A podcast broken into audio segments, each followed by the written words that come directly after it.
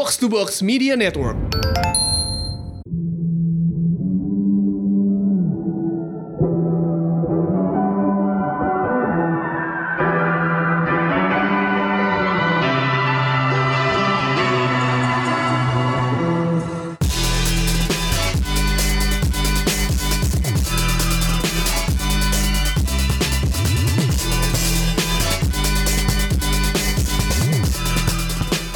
Selamat datang di Showbox Podcast. Ada gue Lisa Gua Angga Rulianto, pakai nama lengkap.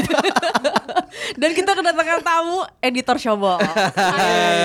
Randi dari Gila, gila, Retropus. gila. Iya, udah. Jadi Randy ini adalah host dari podcast eh, tetangga kita di Box to Box Yoi. ID. Namanya Retropus ngebahas bola. Terakhir gue dengerin episodenya ngebahas ngebahas ramalan bola pakai Shio dan zodiak. Gue bilang, Waduh. "Waduh, bener-bener langsung nih." langsung apa nge, eh, nge-WhatsApp gue.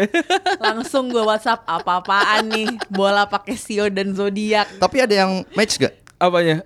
At, mm, se- sejauh ini gagal dua-duanya sih. Wah, jadi kalau misalnya ada yang mencari konten-konten sepak bola receh, Iya. ke. Yoi. eh kali ini tapi kita di Showbox tetap ngomongin film ya Ren Oke. Karena Hmm. Randy ini sebenarnya juga suka nonton film gak? Betul Iya. sekali. Ah, jadi kita bakal seperti biasa kalau review recap dulu, recap dulu. Seminggu ini nonton apa aja? Eh, siapa yang mulai nih? Angga dulu, Angga. Gua sebenarnya gua nonton beberapa film, cuman beberapa film itu tidak bisa disebut dulu. tapi yang nonton aja nonton judulnya enggak? Ah, jangan dong. Eh, tapi gua nonton yang gua nonton secara apa ya biasa aja gitu ya, di di Netflix itu fi- film Polar, film Duh, baru gua sih. lagi lagi masih off Netflix. Coba Iya, ceritain nonton dulu. ya? Coba Ini ceritain. tentang seorang pembunuh papan atas dunia, cuy. Namanya Duncan Fizla. Uh, I like Dia it already. punya nama alias namanya Black Kaiser. Dia tuh memutuskan untuk pensiun di usia senjanya dan dia karena di udah lama bekerja dia dapat pesangon dari atasannya dari perusahaan tempat dia yang dia bekerja. Terus juga tapi eh perusahaannya tidak mau bosnya tidak mau membayar pesangon itu. Akhirnya dia di- disuruh untuk dibunuh oleh eh, sekelompok pembunuh bayaran yang lebih muda, lebih modern, lebih taktis, lebih gila gitu. Ya ini tentang gimana si Duncan akhirnya bertahan hidup dan membalas dendam juga kepada bosnya gitu. Ini feature atau series? Feature, Oke. feature, feature. Yang main si siapa? Eh Mads Mikkelsen. I like him. Iya, di sini lumayan lumayan gila sih actingnya. Tapi ya filmnya menurut gue sih nggak ada isinya. Oh ya? itu yang itu yang jadi ini ya, yang main jadi Hannibal. Ah, Hannibal iya, Lecter. ya? iya, iya. Act, dia kan aktor Atak ya. Gue Iya, juga kaget pas iya. oh dia main film kayak gini. Eh, mengingatkan gue dengan film-film kayak John Wick gitu kan, John Wick 1, John Wick 2. Nggak ada isinya sih sama sekali ini cuma susuron aja cuma buat eh, lihat mau lihat darah-darah bermuncratan, eh, tulang-tulang patah gitu-gitu ya silakan nonton. Soalnya juga standar plotnya standar dan eh, nggak konsisten aja ya visualnya. Nanti ada visualnya agak-agak em, pop art gitu ntar gloomy ntar realis gitu gitu lah nggak gue sih nggak terlalu nonton film ini cuma sebatas fun aja gitu Iya, iya, iya. Gitu. iya. Kalau lo gimana Ren? Gue nonton dua film eh, kemarin kan eh, Valentine kan. Jadi gue Iya. nonton yang film Happy Valentine's Yo, Day. Valentine. gue nonton dua film berbau-bau cinta. Yang pertama Initiation Love. Sama film. siapa nontonnya itu dulu deh kalau Valentine ya kan? Pokoknya begitu deh. Iya. begitu deh Eh, eh, Eh, nonton apa tadi? nonton Initiation Love film Jepang Oke. 2015 yang main tuh Tayang di eh, mana? Tayang ya gitu deh. Banyak. terus terus terus. Eh, eh, terus eh, nonton itu yang pem- pemerannya tuh AK eh, mantan mantan orang paling terkenalnya AKB. Mantan member paling terkenal AKB, Atsuko Maeda. Mm-mm. Eh, di film ini yang lucunya adalah di opening film lu dikasih tahu untuk tidak memberikan spoiler apa pun sama orang Hmm? karena nih film sangat sangat plot twist dan gue juga gua- dan gue mengiyakan juga ini film plot twist banget Oke, jadi Pa- lo nggak bisa cerita. gue nggak bisa cerita gimana ya tapi intinya ada ada ada satu orang perempuan yang eh, menjalani LDR sama cowoknya Oke. dan itu terja- terjadi apa di situ Hmm. Oke. Tuh. Menarik, menarik, menarik. Tapi ini nontonnya harus ilegal ya. ilegal ilegal sayangnya Gua tahun ini kan ceritanya sama kayak tahun kemarin mau nonton yang legal-legal dulu. Resolusi 2019.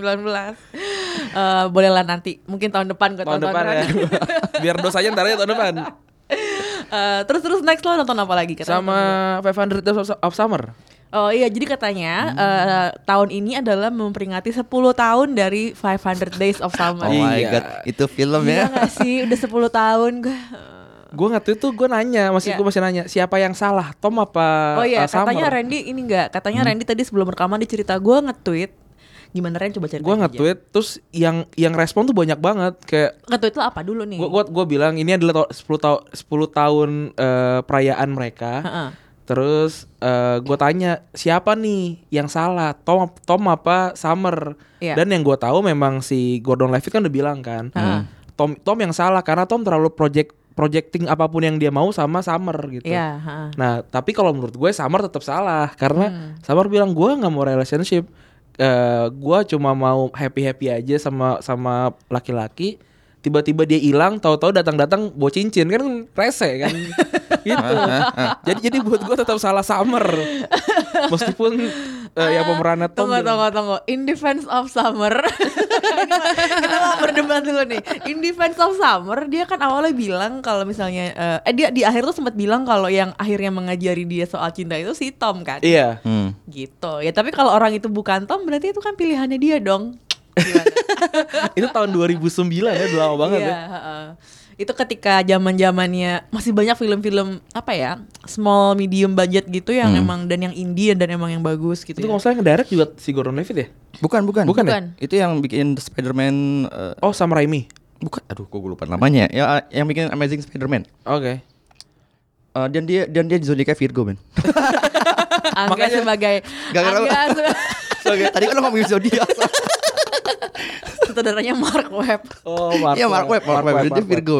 Oh Mark Webb Virgo. Aku lagi suka cowok Virgo. Ah, Randy zodiaknya apa sih? Gue Aries. Oh Gua my god, lo sama Tapi- gue sama-sama fire.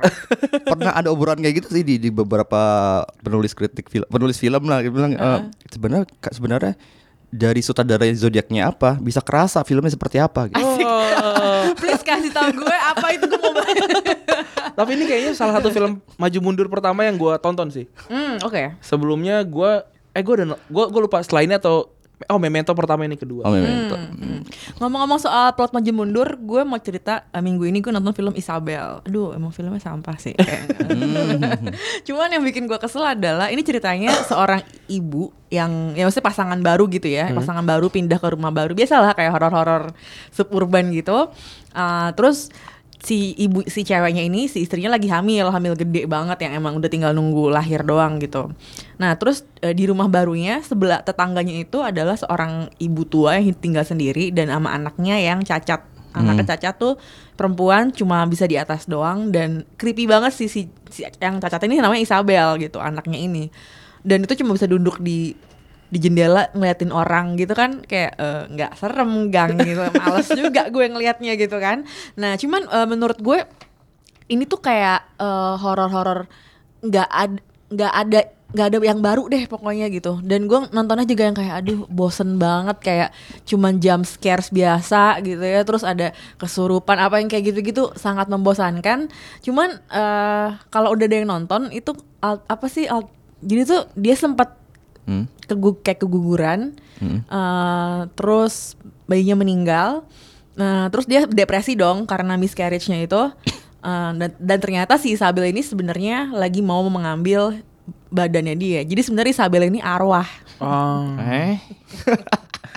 sebenarnya dia itu arwah gitu dan jadi kayak ada alternate plotnya gitu Ah. terus gue jadi kayak ini apa sih maunya film jadi kayak nggak gue nggak rekomend sama sekali Kalau bukan lu juga kalau kan lu nggak suka film horor ya? Karena lu nggak suka Eh, ditakutin bukan gue emang gak suka cuma maksudnya filmnya kalau nggak- tapi nggak kalau yang horor bagus gue akan mengakui dia bagus gitu tapi kalau ini emang kayak nggak ada yang Dan nggak serem juga.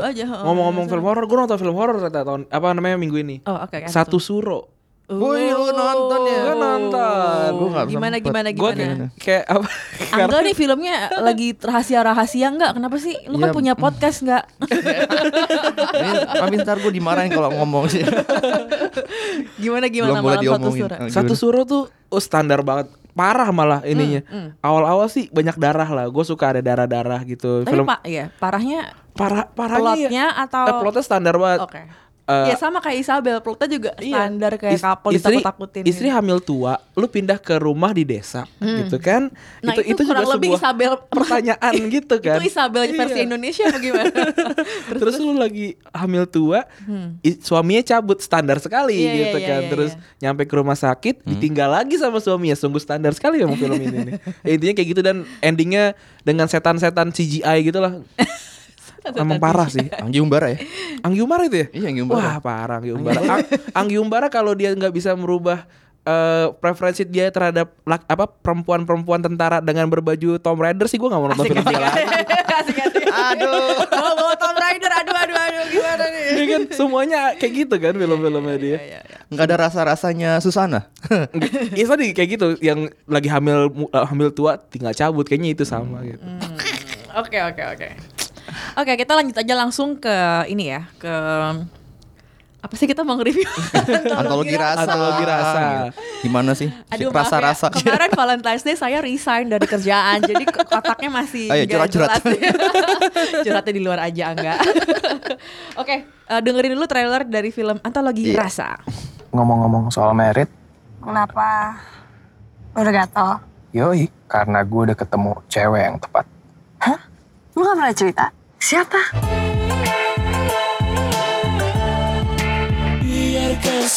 Anak ME juga ya? Ya, Hari pertama.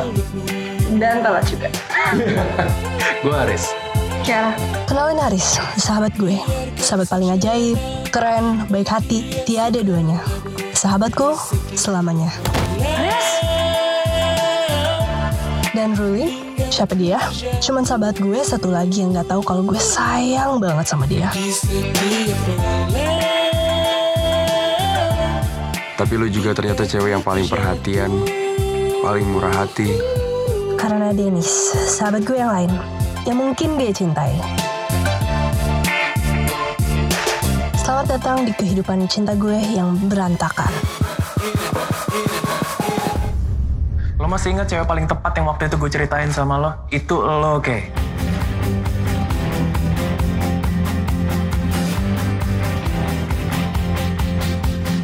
Gue kepikiran, gue pengen PDKT sama Kiara.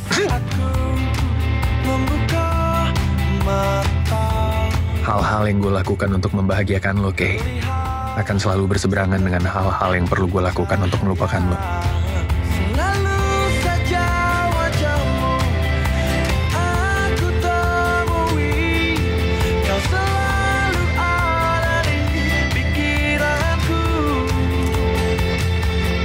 Kalau dia bikin lo ketawa, itu tandanya lo suka sama dia. Tapi kalau dia bikin lo nangis, itu artinya lo cinta sama dia.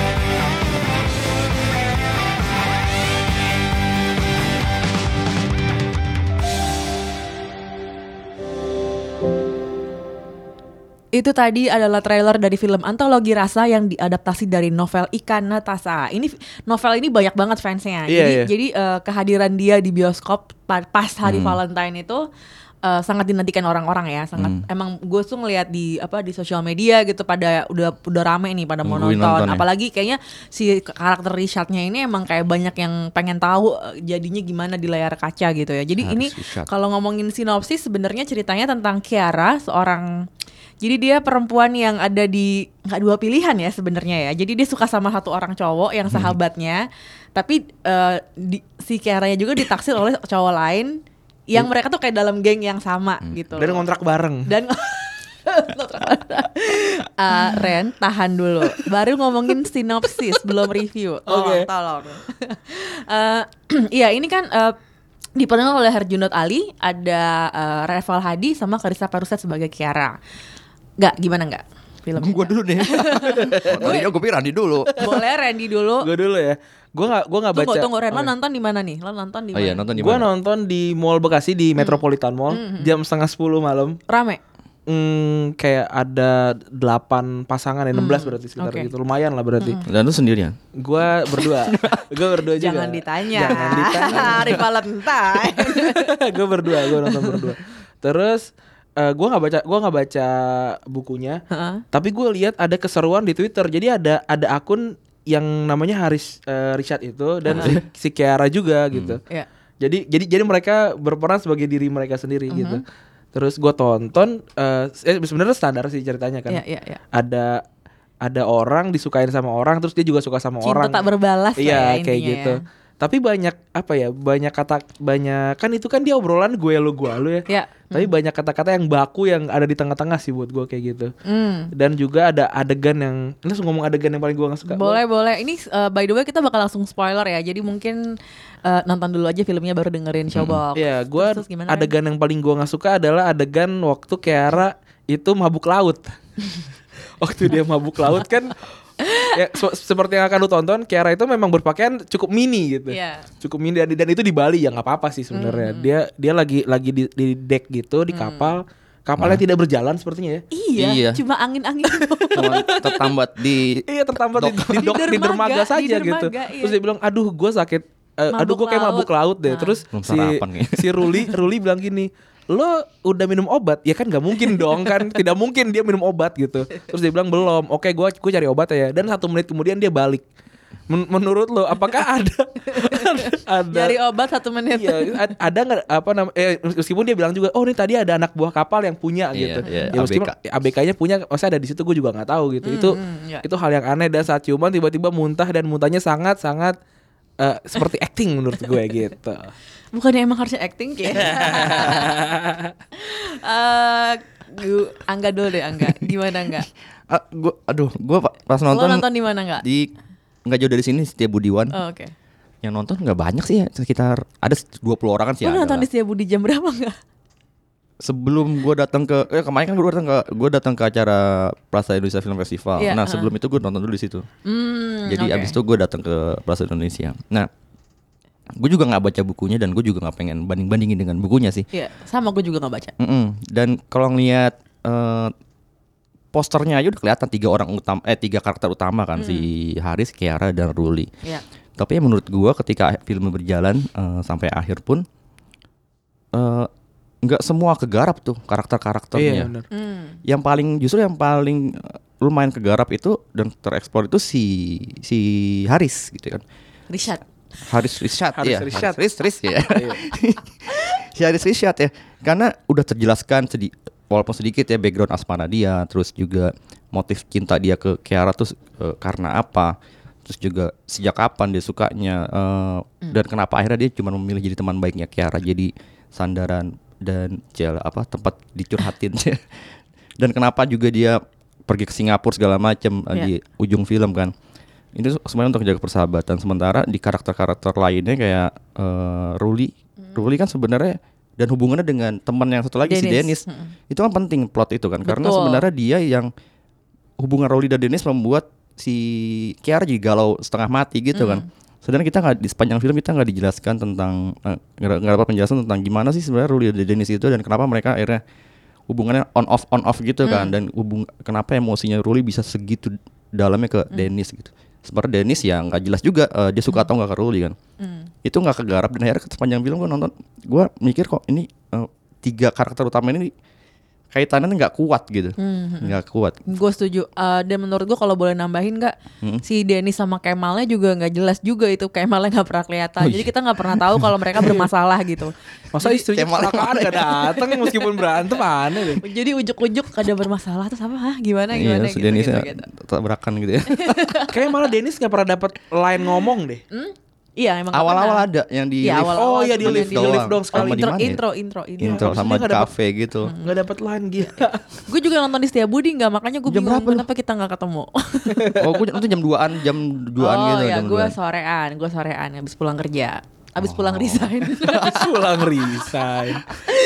jam 2an Eh, gue itu terus kan gue nonton karena itu gue nonton karena eh, malamnya mau ada janji sama temen gue kan, mau ada eh, ketemuan gitu. Jadi eh, gue nonton sendiri lah ya. Eh, kanan kiri gue couple dong.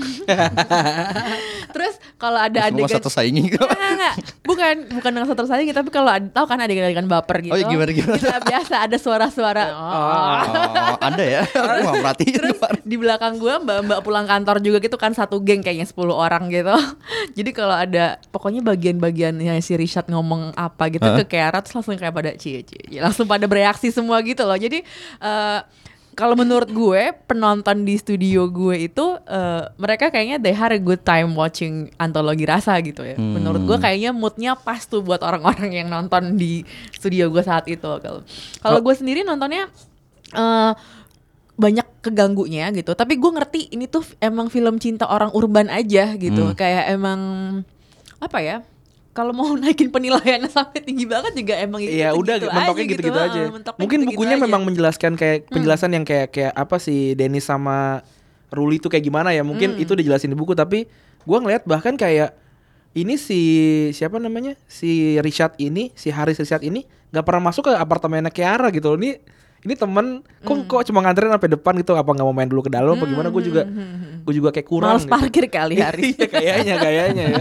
kayaknya terus apa ya? eh si si tadi bener ya Ruli Ruli itu gak, gak sama sekali juga diceritain eh, k- gimana su- sampai sukanya sama Dennis cuma dia cuma dibilang kita dulu teman kecil dari TK, SD, SMP, SMA, kuliah gitu gitu kuliah, doang. kuliah. Mentok gitu doang. Kalau gue iya, gue gue eh, yang tadi gue bilang itu ya, gue agak-agak keganggu karena selain yang kata Angga bilang Ruli sama Dennis yang gak kegarap, menurut gue Dennis sama Kemalnya juga yang Nggak ada ya. Iya, iya. ujuk-ujuk ternyata mereka berantem. Bahkan kayak emang gak ada wujudnya gitu. Iya, Jangan-jangan di take out pas editing kan.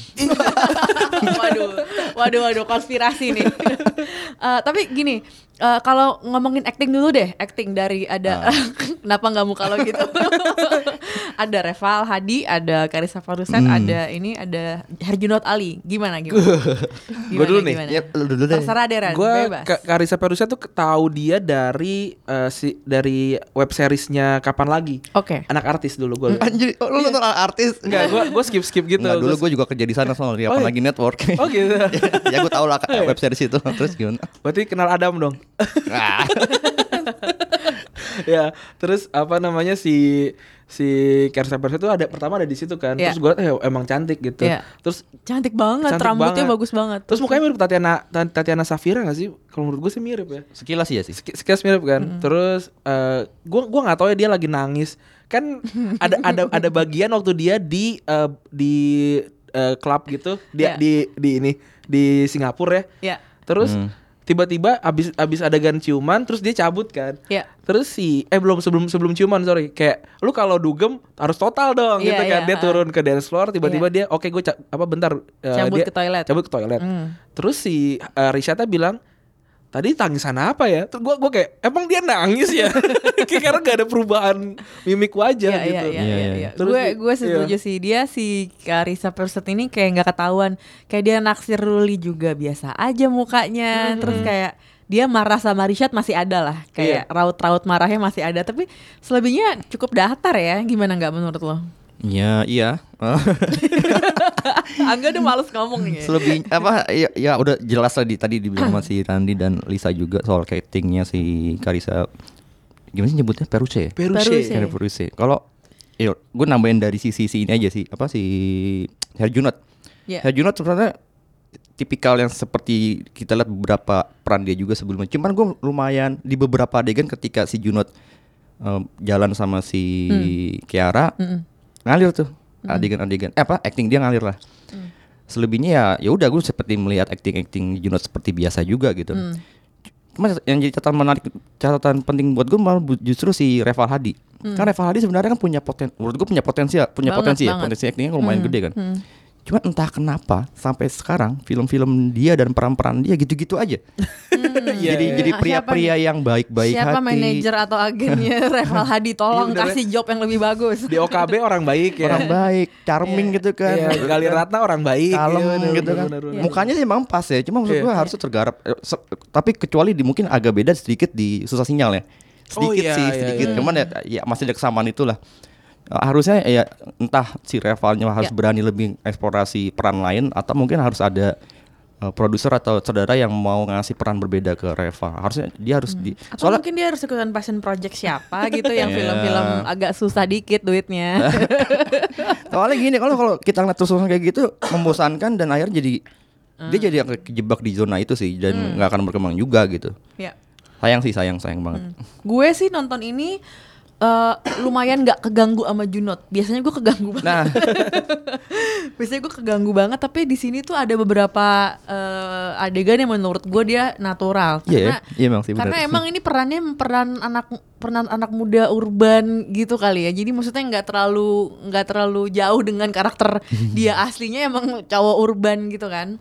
Oh, tapi ketika udah mulai bagian-bagian galau, terus udah mulutnya udah mulai kaku-kaku gitu yang gini-gini gitu, terus gue langsung kayak aduh, nggak nggak nggak nggak not please please jangan. Eh, abis itu eh, kalau dari Reval Hadi, gue gue eh, lebih mm, mengkritik ini sih kurang digarapnya karakter dia gitu loh. Jadi gue rasa dia kayak gitu karena emang ya di skripnya ya nggak terlalu dibahas juga gitu loh. Salah satu catatan gue kalau dalam film ini adalah karena gue nggak baca novelnya ya, gue tuh nggak tahu gue harus berpihak si Kiara ini jadinya sama siapa gitu loh. Karena dia karena tadi gue bahas ya masih Randy. Eh, jadi karena Dennis dan Kemalnya sama Ruli yang nggak tahu nih ceritanya kayak tiba-tiba ada dan tiada gitu. Jadi tuh gue sebenarnya sepanjang film jadi sebenarnya si Kiara ini harusnya sama Ra- si Haris atau sama si Ruli gitu kan. Kayak gini harusnya dia jadian sama cowok yang dia suka atau dia jadi dia jadian dengan cowok yang suka sama dia gitu ngerti nggak maksud Ngerti, ngerti, ngerti, jadinya agak-agak jadi nggak tahu arahnya mau ke mana gitu itu itu salah satu struggle terbesar gue nonton ini sih karena menurut gue ya nggak imbang gitu ceritanya dari antara karakter Kiara dengan karakter Richard padahal voice overnya udah tumpang tindih nih Iya. Iya, jadi iya, dengan iya. udah tumpang tindih tapi gue tetap kayak nggak dapet dari segi Kiaranya banget Oh, gitu tapi loh voice over tuh cuma Richard sama Kiara doang iya ya? eh, tapi kan maksud gue ada juga sih Ruli sih. Oh Ruli juga Ada, ada, ada. ya? jadi tapi kayak banyak lumayan agak rame nih kalau dari segi voice overnya gitu Gue punya catatan tuh soal itu tuh. Hmm, gimana, Jadi menurut gue udah awal nonton gue langsung mikir anjir nih film cerewet pasti. Jadi film-film yang dibuka atau banyak dengan namanya apa tuh eh Narasi, narration voice over narration gitu itu ke- punya kecenderungan untuk cerewet dan tidak ini aja tidak sinkron tidak selaras dengan dialog dialog pas dia on screen. Ah. Ya. Seperti tadi lu bilang kan ada dialog-dialog yang katanya bahasanya baku cuman di Iya. pas di di off off screen gitu di voice over narration justru bahasanya lebih punya nada-nada yang lebih solilok soliloquy gitu kayak berkontemplasi gitu Ya. dan agak-agak baku. Jadi film ini sebenarnya menurut gua ketika bagian-bagian udah memakai voice over narration jadi kayak cerewet banget dan eh, nggak ini aja nggak jadi nggak pede kelihatannya. Kan film kan harusnya dia juga bergantung pada bahasa visual kan dan lewat adegan-adegan dan lewat gimana si karakter berinteraksi. Cuma dengan adanya banyak voice over narration seperti itu akhirnya ya eh film ini nggak kelihatan pede aja dengan visual yang mau dia dan penyutradaraannya juga gitu. Padahal ya potensial sih sebenarnya dialog-dialog kan di- dialognya si siapa? Si Richard Haris Haris Richard ya ya Haris Richard dua-duanya ini dua-duanya sama ini kan sebenarnya cukup mengalir eh, dan celetukan-celetukannya cukup Iya. enak gitu kan. Iya, Eh, ha. cuma kenapa pas bagian-bagian yang udah agak baku gitu bahasanya jadi terasa berjarak dan jadinya malah nggak sinkron, nggak selaras aja dengan keseluruhan filmnya gitu. The gue yang gue suka juga eh, ini kan nggak emang nggak begitu komedi tapi ada komedinya gitu dan sama sekali nggak ada komika ya di film ini sampai ketika eh, Kiara dan temennya itu nonton film yang gua yang gua yang gua asumsikan itu adalah single. Karena itu sama-sama Soraya. Film singlenya Raditya Dika Panji mungkin, sama mungkin. bisa jadi. Gue nggak terlalu merhatiin sih. Gua- tapi gue juga berusaha nangkep tapi nggak terlalu kedengeran kan emang Iya, iya. suara Gua- suara percakapan di film itu. gue nangkap gue gue nangkap itu oh ternyata masih masih ada komikanya nih. Iya iya iya iya iya, dan iya. tentang soundtrack ya gue suka lagu-lagunya. Oh iya, tapi gua nggak suka. Tapi terlalu banyak sih Hmm. Kiara mandi soundtrack terus Kiara galau soundtrack kalau nggak soundtrack tadi voice over kayak emang kayaknya suara banyak banget sih gitu Iya iya iya. Eh gimana Lis? Kalau lu dari sisi acting eh acting apa dari segi tadi lu bilang narasinya, iya uh, voice over segala macam. ya itu gue agak-agak keganggu dengan maksudnya udah udah udah tumpang tindih tetap aja nggak jelas kayak menurut gue gue lebih paham kisah cinta ini dari su- sudut pandangnya si Richard dibanding Kiara kalau gue ya Hmm. mendingnya gitu ya karena itu karena gue jadi nggak tahu gimana harus berpihak Kayaknya ini juga sih. gue menduga pengaruhnya karena penulis skenario laki-laki. ah interesting padahal yang nulis yang nulis film eh bukunya cewek gitu Enggak enggak. Oh, enggak. Gue lebih ngomongin tentang gimana film ini di di deliver kan ke Ah. penonton dan eh lewat layar dan opsi sutradaraan. Soalnya Kiara di sini akhirnya jadi eh gua khawatir ketika penulis laki-laki itu men- mendesain sebuah karakter seorang karakter perempuan gitu ya. Mm-mm. Cara pikir dia yang laki-laki itu masuk ke dalam cara pikir perem- cara pikir yang harusnya nggak terjadi gitu. Jadi Mm. eh, kita bisa lihat di sini Kiara itu harusnya kan dia gadis-gadis yang manis gitu kan, gadis Iya. yang yang pu- punya kekuatan juga. Dia dia Iya. bisa buktinya ada satu adegan dia presentasi dan itu dianggap dia itu bagus presentasinya gitu kan. Ya betul. Terus eh, tapi ketika dia dihadapkan kepada dua laki-laki yang yang satu suka banget sama dia tapi eh, diem-diem aja gitu, yang satu lagi eh, nggak jelas, eh, cuman deket doang tapi juga nggak nggak suka sama dia gitu. Tapi dia malah takluk kedua-duanya dan eh, kita sebenarnya di dikasih impresi kalau di akhir ketika akhirnya si eh Kiara ini melakukan hubungan seks gitu ya dengan si eh, Haris gitu ya. Ya. dan si Kiaranya marah besar dan memutuskan persahabatan dengan Haris. Akhirnya dan si eh, Kiara berdamai dan jadinya pacaran dengan Haris gitu gue jadi mikir kok Kia- eh, Kiara jadi jadi subjek yang eh jadi subjek yang negatif gitu jadi yang kok lu jadi dibikin impresinya jadi lu yang salah sih gitu harusnya kan enggak Hmm. Eh, gua khawatir aja takutnya ada pengaruh-pengaruh cara pikir per- Oh. laki-laki Patriarkis, dominasi cia. patriarkis yang masuk ke dalam itu. gue sih gue kalau ngomongin tentang ending ya kan endingnya terakhir kan Richard bilang kalau dia udah jual apartemen dan jual mobil untuk ke Singapura kan. Ya. Mm. terus Udah udah beres udah beres. urusan dia Ja- di, Jakarta udah nggak ada di Hmm. Jakarta udah nggak ada. Terus eh, Kiara nganterin dia ke eh, bandara. Terus biasalah pelukan segala macam. Terus ny- menyatakan cinta. Terus Kiara bilang eh, tinggal apa namanya jangan pergi di sini aja. Terus dia bilang oke. Terus gua kayak aduh masa gara-gara dicium doang lu mau jadi pengangguran sih di Jakarta gitu. Terus ternyata apa ekspektasi gue diputar gitu dia bilang enggak lah gue mau cabut aja gitu oh berarti memang ini film yang yang oke Pada dalam, dalam hal beberapa itunya partnya iya, beberapa bagian matang sih, cuman Iya, iya, iya. selebihnya banyak juga yang off gitu. Karena mungkin penulisan di bukunya, cerita di bukunya memang udah solid kali ya, udah oke. Iya, sih. berarti mungkin ada kontribusi kekuatan cerita di buku Ah, dan mungkin Hmm. eh, tapi menarik juga ya catatan dari Angga soal karakter Kiara di film ini gitu ya. Kita nggak tahu nih nggak bu- di bukunya dia seperti apa si karakter Kiara ini. Eh, cuman ya gue setuju dengan lo sih ketika eh, jadinya nih kayak eh, seolah-olah ada suaranya tokoh Kiara ini, tapi sebenarnya dia juga terombang-ambing, terombang-ambing dan gak jelas gitu dan eh, alasan kenapa dia akhir kenapa dia tuh tiba-tiba jadi cinta sama Risha tuh nggak terlalu dijelaskan dengan baik ya. Mm. Jangan-jangan jadi kayak pelampiasan hasrat penulis skenario sebagai laki-laki untuk Yang harus menang dapat cewek Iya gitu. Jadi Kiaranya akhirnya gitu ya. gitu. Cuman maksud, gua ini kan eh, ngomongin soal tadi adegan yang penting di tengah-tengah akhirnya membuat konflik utama in film ini kan jadi berjalan soal adegan seks itu kan yang tidak tidak harus seharusnya terjadi menurut versi si Kiara. Karena mereka dalam keadaan mabuk. Eh, kita kan tahu ya dalam satu setengah tahun terakhir ini dihadapkan dengan isu tentang eh, Me Too. Movement dan semenjak ada investigasi di New York Times dan New Yorker gitu kan.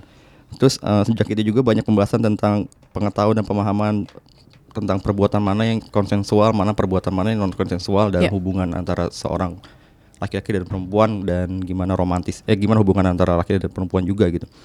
Eh, dan di film ini ada ada adegan itu tuh, adegan sebe- sebenarnya kalau di kita kaitkan dengan konteks realitas yang ada sekarang jadi malah nggak jadi malah gimana ya outdated banget dan Hmm. nggak ketinggalan zaman juga jadinya jadi nggak punya jadi nggak punya suaranya gitu dan, dan eh, Tone deaf aja gitu. iya, dia, iya, dan apa ya? Tren yang Soalnya kan ya. juga juga banyak tentang pembahasan-pembahasan tentang gimana film-film populer, film drama romantis populer itu mengglorifikasi atau me, apa ya, excuse tentang eh, perilaku laki-laki yang predator gitu. Dan di film ini ada gambaran-gambaran seperti itu gitu kan. Walaupun itu problematik juga. Jadi film ini ya nggak nggak sesuai lah dengan real. kayak Iya, iya, iya. kayak nggak lagi nggak gini gini ini udah nggak inline aja sama gitu. waktunya ini sekarang tuh ya. cerita cinta anak urban yang supposedly woke Ya. buat isu-isu kayak Too dan segalanya, Iya, iya, iya. tapi eh, di filmnya jadi kayak lalu aja itu yang Iya, kayak gitu iya. jadi nggak jadi nggak terlalu di uh, expose gitu ya. Nggak nggak ada acknowledgement terhadap isu-isu kayak gitu ya, nggak ya? Itu kan maksudnya kan. Iya, iya. Patriarkis. Cie. Cie, cie, cie. Ya. Nah, Ren, Ren, ini kenapa Angga jadi host showbox? Kenapa? Cie, Pinter gitu, Ren. Gue kan dengerin juga, gue tahu. Iya, Udah ngedit ya. kan gue ngedit. Eh, Oke, kalau dari segi teknis gimana? Eh, dari looknya dulu deh, dari Waduh. looknya. Dari looknya. Look asik sih ya. iya. Keren ya, keren Gradingnya ya. oke. Hmm. Gue suka.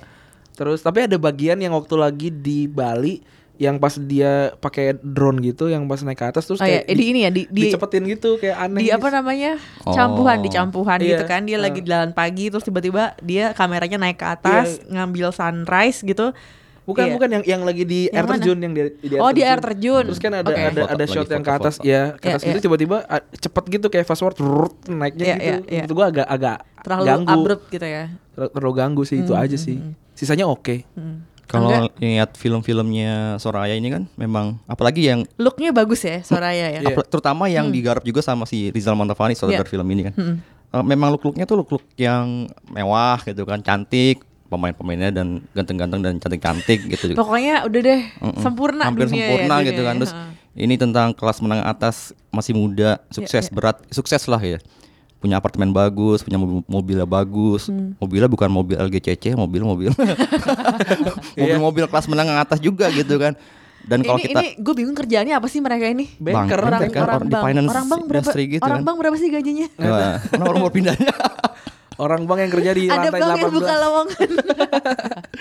Nggak nggak gue nanya gini karena mereka tuh kan sukanya ke F1 ya nggak maksud gue Iya. F1 tuh mahal banget Mahal banget, iya, Pak. Iya, tapi Itu tapi mereka tuh tapi- nontonnya di grandstand yang setahu gue gue pernah ke sana karena liputan geng bukan gue ke sana nggak gue nggak mampu jadi eh, itu tuh harganya bisa 800 sampai seribuan gitu loh Tapi Kiara waktu awal bilang dia bilang kayak gue Hmm. ngapain sih di di di trip ini yang yang gue harus bel- harus beli Seharga tiket apa? seharga motor baru dia bilang ngomong, ngomong gitu. iya heeh. Dan juga yang dia bilang gue baru aja mecat eh, pembantu gue dia bilang Iya, gitu. iya, oh iya. berarti menunjukkan kalau dia tuh nggak kaya kaya banget sih si Iya, Kiara ya, ini. kelas gitu. menengah Kelas Iya. menengah ngehe lah gitu. Tapi iya bener nih. Tapi kalau misalnya ngomongin kenapa mereka bisa jadi sekamar, menurut lo mungkin nggak? Mungkin nggak sih lo kalau misalnya kayak gini deh, misalnya ternyata kamarnya di cancel, ya udah cari aja hotel lah. Eh iya cari aja Ngerti Airbnb? Airbnb. Airbnb. Ke- karena gue pernah ke Singapura di zamannya F1, nggak kok nggak sepenuh sampai. Karena tuh olahraga itu kan spektakel yang sangat mahal gitu, Iya. nggak semua orang mampu beli gitu. Jadi nggak nggak yang sampai satu Singapura nggak ada kamar juga. Maksud gue itu nggak masuk akal ketika mereka tiba-tiba stuck di kamar itu terus Iya kayak ya udah lo tidur di lantai aja. Tapi gue aneh deh. lantai banget nih gue. Toler- ya, toler- ya maksud gue cari aja kamar lain. Kalau mampu beli tiket F1 yang harganya 800 Itu ribu, akal-akalannya Haris ya. 800 sampai 1000 gitu. Gue gak tau toleransinya yang yang dia yang mereka buat ya karena mereka pernah tinggal ngontrak bareng tapi waktu sekamar cuma pas liburan nggak mau gue nggak ngerti sih Nah, itu lagi aneh lagi kan. itu gue ngerti nggak ngerti karakternya toleransi nggak konsisten ya iya iya Jadi eh, ketika ka- kalau kalau di kontrak-kontrakan ya udah bareng, terus habis itu ketika sekamar Ya kan? bisa aja cari kamar baru itu Iya, aja sih iya, gue iya, kayak iya, bisa iya. kali nyari kamar baru kok nggak di, tinggal di- dipisahin guling gitu gila. Iya. Terus terus terus. visual visual kayak gini tuh eh ya ya tadi ya soal visual visual yang Ya. ini sebenarnya dibandingin misal kayak filmnya 5 cm atau Supernova yang digarap Rizal Mantovani juga Hmm, dan diproduksi sama si Soraya filmnya sih di bawah itu sih dari segi kemewahan tanda kutip Iya. ya tetap aja tapi menurut gue ini visualnya memang di- dipakai buat menaikkan derajat film ini juga gitu. Derajat. Gimana enggak? derajat. Ya karena cerita sendiri menurut gue nggak terlalu kuat sih gitu. Iya, jadi iya. ya ini jadi satu hal yang menarik tapi ya sebagai sebagai tontonan spektakel gitu dan menghibur ya sah sah aja gitu dilakukan. Cuma harusnya diimbangi juga dengan cerita dan penggarapan yang oke Terakhir dari gue mau nanya ke kalian, udah pernah nonton Critical Eleven? Udah. Cie. udah Jadi maksud gue gini, bandingin bandingin lo lebih suka adaptasi Critical Eleven atau adaptasi eh, antologi rasa? kalau gue karena gue baca buku Critical Eleven ya gue Oke. berarti pilih Critical Eleven Oh gitu? ya Oke, menarik. Kenapa?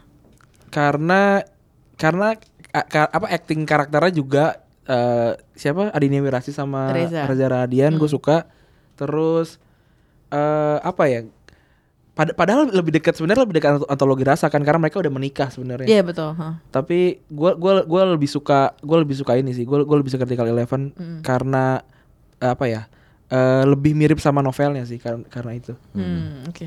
Enggak gimana enggak? dari segi eh kar- ya, selu- keseluruhan sih masih bagusan Critical Eleven ya. Walaupun Critical Eleven menurut gue panjang bener. Iya iya iya. Dragging banget gitu. Iya. Eh, dari segi acting ya bagusan. Iya. Asti dan uh, Reza. Reza, Reza. gitu kan. Eh ya, dibandingin ini, soalnya dua drama-drama kayak gini kan memang di ya beda beda segmentasi juga kan. Kalau yang si Critical Eleven kan memang pasangan muda yang udah menikah gitu kan dan punya masa mungkin punya masalah-masalah tentang masa lalu dan soal gimana punya anak punya anak. Kalau ini kan enggak, ini kan enggak tentang mereka sebelum menikah gitu kan. Ya menurut gue sih bagus kalau secara secara romantika gitu secara romantika bahasanya secara romance yang masih bagusan ini sih eh Critical Eleven gitu Hmm, oke oke. Gue juga lebih suka Critical Eleven walaupun gue akuin eh, komedi momen yang ada di eh, Antologi Rasa lebih lebih Iya. lebih, Lebih ini, kena ya, lebih lebih menarik kena. karena emang lebih ringan, lebih ini gitu. berkas ya. Haris sih Iya, berkat Haris Berkat ya. Haris, iya. Ya, for once, you not oke. Boleh lah not. Eh, sekian dulu review dari kita. Ada lagi catatan dari Angga sama Randy. Gue sih kayaknya udah. Udah, Gue cukup. Cukup ya. Cukup. Next kita bakal review apa enggak? eh apa apa Foxtrot Six Foxtrot. Tanggal 21 ya? Sebenarnya Angga udah nonton kemarin Iya, premier. gue nonton premier, tapi kayak iya, iya harus nonton lah kalian. Oke. Sebuah pencapaian baru juga buat kita. Bahasa Inggris ya? Iya. Ren mau ikutan review lagi nggak? Boleh kalau udah kalau udah nonton, kalau udah Fox nonton boleh. Oke, see you next week. Kita bakal nge-review Foxtrot 6 dan kita juga bakal akhir kita bakal ngupload ini ya Ren. Iya. Eh, review kita yang Kucumbu tu Kucumbu tubuh Bu, indahku. Memories of My Body. Memories of My Body filmnya Garin Nugroho. Hari Senin. Itu kita rekamannya kapan nggak? Tahun lalu. Tahun lalu. Norman. Desember ya, iya, Iya, benar. pulang dari Jav ya. Tapi karena kita ngeliat, duh kapan nih mau ngerilisnya? Momentumnya belum tepat Momentum ya. belum tepat. Nah, sekarang nih film Memories of My Body tayang di uh, Plaza Plaza, Indonesia, Indonesia Film Film Festival. Kapan nggak tayangnya? Lupa gue. Weekend ini kan? Weekend ini sih weekend kalau ini nggak kan? besok atau hari Minggu gitu Iya. ya. Jadi buat yang eh, nyari, tapi gue nggak tahu ya tiketnya kayaknya udah pada habis. Tapi bagus-bagus filmnya ya nggak? Eh, Plaza Indonesia Film Iya, Festival. bagus-bagus. Eh, semalam lo nonton Ave Jadi semalam Mariam. gue nonton Ave Mariam, terus si Itu di abis press eh, abis press conference ya. Hmm, press conference openingnya terus kita nonton dan eh, orang press Indonesia bilang gue lupa namanya eh, dibilang gini eh kita waiting list buat film Ave Mariam itu spa- eh, jumlahnya 1250 orang Eh itu ya pertanyaan gue buat ya. organizer Plaza Indonesia Film Festival kenapa sih nggak dibuka aja dijual aja gitu ya Oh, terus beli- orang beli bisa harus ke sana ya? bisa beli dengan Ini fair. gratis. ini Oh, ini gratis, dan gratis. lo harus booking booking di websitenya gitu cuma Hmm. maksud gue ini tuh kayak ya, udah jelas animonya tuh gede, banget, banget. tapi kenapa ya udah sekalian dijual gitu atau Iya, iya, atau ya kayak Jav gitu kan kan namanya film festival gitu loh. you don't have to screen it free Ya, of harus festif gitu gitu loh heeh. kayak tayangin aja dua kali kalau apa kayak kayak gitu gitunya sih yang gue tapi filmnya bagus-bagus ya enggak ya apa Bagus, aja enggak ada ada ada Ave Mariam terus ada Cold War tadi malam udah tayang Cold Memories War of My Body. Hmm. Memories of My Body 27 Step of May Yes. ada Capernaum yang masuk ke nominasi film bahasa asing terbaik Oscar tahun ini ada shoplifters juga Shoplifter, itu yang kita- rame banget deh. malam Kita- ini tayang Shoplifters Iya. sama 27 Step of May Ya gitu. tapi gimana ya, gue mau ngerekomendisin orang-orang datang juga kalau tiketnya udah udah, Udah habis, nggak udah susah sih paling kan. kalau untung-untungan doang Iya. Enggak sih, gue rasa juga itu nggak nggak bakal dapet sih.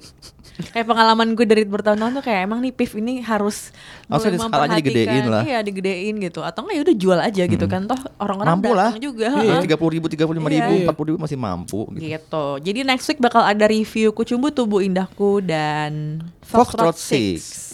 6. Oke, thank you banget udah dengerin. Happy weekend. Selamat bersenang-senang. Thank you semua. Bye-bye. Bye.